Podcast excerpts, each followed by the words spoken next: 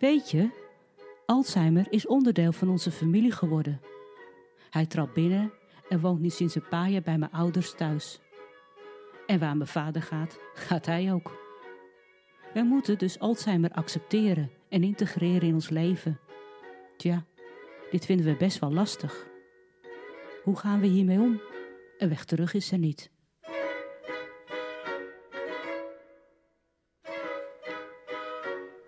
Dit is Alzheimer in de familie met Esther Zijlstra. Welkom en fijn dat je naar mijn podcast luistert. Hoi, welkom allemaal bij deze bijzondere aflevering. Want wist je dat volgende week woensdag 21 september de Internationale Dag van Alzheimer is? Hierom maak ik een klein uitstapje. Wordt de inhoud van deze podcastaflevering anders? Hoewel, je hoort mij soms denken en delen, eindig ik nog met een aantal tips. De persoon Alzheimer. In de podcast kan ik geen plaatje delen eh, van Alzheimer, hoe hij eruit ziet. Dus ja, verwijs ik je naar internet en zoek even zelf daarop hoe hij eruit ziet. Ik wil het over Alzheimer hebben omdat ik in mijn intro van elke aflevering hem voorstel als ja, niet welkome gast. Het is hier een metafoor, maar deze man heeft echt enorm veel betekend. Zijn naam mag dus echt genoemd worden. Alois Alzheimer was een Duitse neuropatholoog en psychiater. Hij is geboren in 1864 en overleden in 1915 op 19 december. Hm, mijn geboortedag. Alzheimer heeft aan diverse universiteiten gestudeerd en mede door zijn vrouw, zijn zieke vrouw, stortte hij zich op de psychiatrie en maakte hij van zijn neuropathologische kennis zijn expertise. Samen met een andere voorname arts, Nissel geloof ik, deed hij onderzoek naar de pathologie. Hij wilde zenuwziektes uh, indelen op grond van kenmerken, typische kenmerken. Later werd hij directeur van een psychiatrisch instituut en deed hij klinisch onderzoek naar bipolaire stoornis en schizofrenie. En nog weer later werd hij directeur van een klinisch anatomisch laboratorium te München, waar ook Kreutzfeldt en Jacob werkten. Kreutzfeldt-Jacob is een andere ziekte die onder dementie valt. Tijdens zijn Münchenjaren deed hij ook onderzoek naar andere zenuwziektes, Huntington, epilepsie, maar ook naar de postmortale hersenen, het vroegtijdig afsterven van hersenen. Hij ontdekte eiwitknopen en massa's, de dode lege plekken in het brein. Even tussendoor, hier en daar gebruik ik ook het woord brein en bedoel ik hier hersenen mee, net als de term in het hoofd. De ziekte Alzheimer. Op mijn manier ga ik in Jippie Janneke taal uitleggen wat de ziekte Alzheimer is. Ik heb hier en daar wat gelezen en informatie verzameld en hoop te begrijpen wat de ziekte inhoudt door het te benoemen. En als jij als luisteraar mij volgt, dan ben ik al helemaal blij. Normale situatie. Voordat ik uitleg hoe Alzheimer werkt, vertel ik eerst aan jou uh, in het kort wat de functie van ons brein is, hoe dat eruit ziet, hoe dat werkt. Je hersenen is één grote grijze massa. Dat wordt gezegd en geschreven, toch zijn er echt wat nuances aan te brengen. Het brein is opgebouwd uit zenuwcellen, de neuronen, en steuncellen, gliacellen. Tussen alles lopen aders en bloedvaten. De neuronen. Elke zenuwcel heeft een grijs-roze lichaam, een kern, en aan het lichaam zitten sliertjes die wit van kleur zijn of ook grijs-roze. De witte zijn langer en een groep van die sliertjes vormt de zenuw.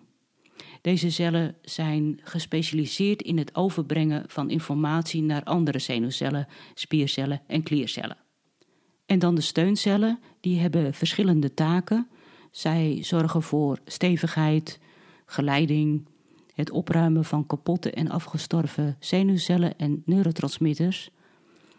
Ook zorgen zij voor aanmaak van nieuwe zenuwcellen en bestrijding van schadelijke indringers. En eigenlijk best interessant, zo'n zenuw heeft zo'n 10.000 verbindingen met andere zenuwcellen.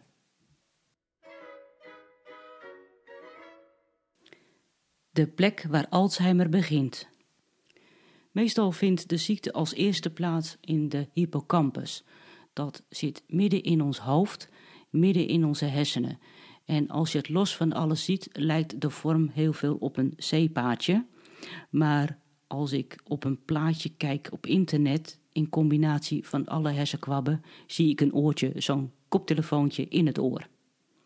Maar de ziekte zit niet alleen daar. Eh, het verschijnt ook in andere kwabben, op andere plekken. Het zit ook in de voorhoofdkwab en de slaapkwab. De veroorzaker. In onze hersenen lopen ook aders en bloedvaten.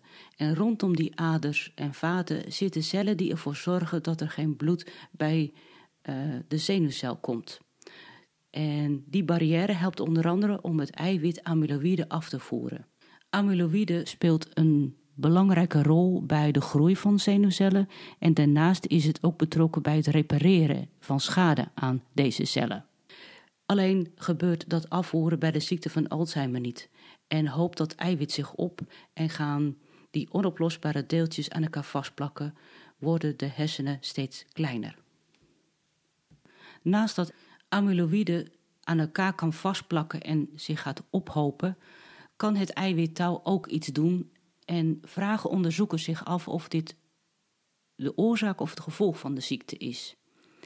Touw is het logistieke bedrijf in je brein. Het zorgt dat iets wordt geladen, uh, gesorteerd, gebracht en wordt afgevoerd. Het zorgt ervoor dat elk signaal van A naar Z wordt gebracht. En bij aankomst wordt touw ook even uitgezet. En op het moment dat het weer opnieuw kan beginnen, gaat het weer aan. Alleen bij Alzheimer ehm, ja, gebeurt dat aanzetten niet meer en heeft dat dus gevolgen.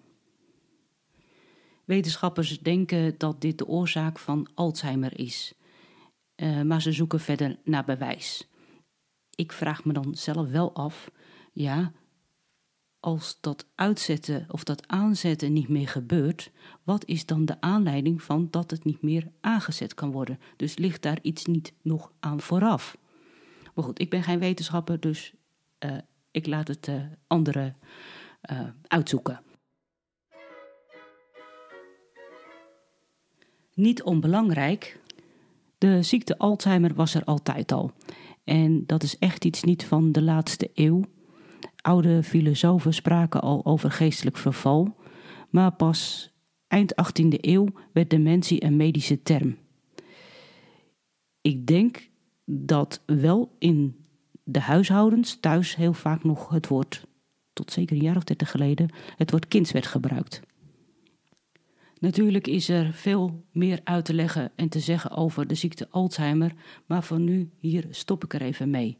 Als je meer wil weten, ook symptomen en het verloop van de ziekte, zoek dan uh, naar boeken of ga op internet googelen.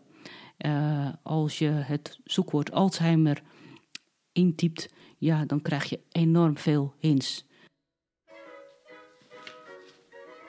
Wereld Alzheimerdag. Volgende week op 21 september is het Wereld Alzheimerdag. En het thema van dit jaar is Samen op weg. Samen leuke dingen doen en genieten van het moment. Nu roept Alzheimer Nederland iedereen op om op deze dag een vergeetmenietje te dragen, een speldje of een armbandje. Ik heb gekozen voor een sleutelhanger. De belangrijkste en eerste tip. Maar ik heb zelf eigenlijk ook een oproep. De belangrijkste tip. Ik weet dat mijn ouders blij worden van kaartjes. Dus wat als we voor en met elkaar een kaartje schrijven? Dat voor je familielid met Alzheimer, dat voor de partner uh, of andere mantelzorgers die je een hart onder de riem wilt steken. Ja, echt waar toch? Kaartjes schrijven en post krijgen werkt toch altijd? Voor wie het fijn vindt, heb ik een eigen afbeelding van een vergeetmenietje getekend. Deze illustratie mag je gratis downloaden, kopiëren en plakken. Ga hiervoor naar www.tekenplek.nl slash vergeetmeniet. Dat laatste is dus echt aan elkaar geschreven. En binnen een paar klikken ligt het in je mailbox. Ook zal ik in mijn tekst de link nog even noemen. Het enige wat je nog moet doen is een eigen kaartje maken door het ja, zelf te printen op stevig papier of te gebruiken op een website waar je kaartjes tegen betaling zelf kan maken. Hou er alleen rekening mee dat het een paar dagen duurt voordat je het kaartje binnenkrijgt. Het voordeel hiervan is dat je twee of drie dagen de tijd hebt om ook na te denken over de tekst in het kaartje. Maar bij de eerste, als je het zelf maakt, ja, dan gaat het gewoon sneller. Voor wie even niet weet wat je kan schrijven, bij mijn aanbod kan je ook kiezen voor twee voorbeeldteksten. En schaam je niet om deze te downloaden. Zie het als fijn om een voorbeeld te hebben. En naar aanleiding van mijn oproep en mijn aanbod heb ik nog twee tips tot slot. Voor jou de tips. Tip 2. Als je samen met je naaste met Alzheimer het kaartje schrijft, post het dan ook samen. De brievenbus is een voorwerp wat ze herkennen. En tip 3. Als je zo'n kaartje ontvangt, heb dan even over de afzender, de tekst en afbeelding. Ga met elkaar in gesprek. Maak samen de herinneringen. Alzheimer in de familie wordt gemaakt door mij, Esther Zijlstra. De muziek komt van Julius Eastman. Super dat jij luisterde naar mijn podcast. En voordat jij en ik deze aflevering gaan afsluiten, heb ik voor jou nog één belangrijk dingetje. Abonneer je wanneer je alle podcastafleveringen overzichtelijk onder elkaar wil hebben. En als abonnee ontvang je automatisch een berichtje wanneer een volgende podcast van mij klaar staat.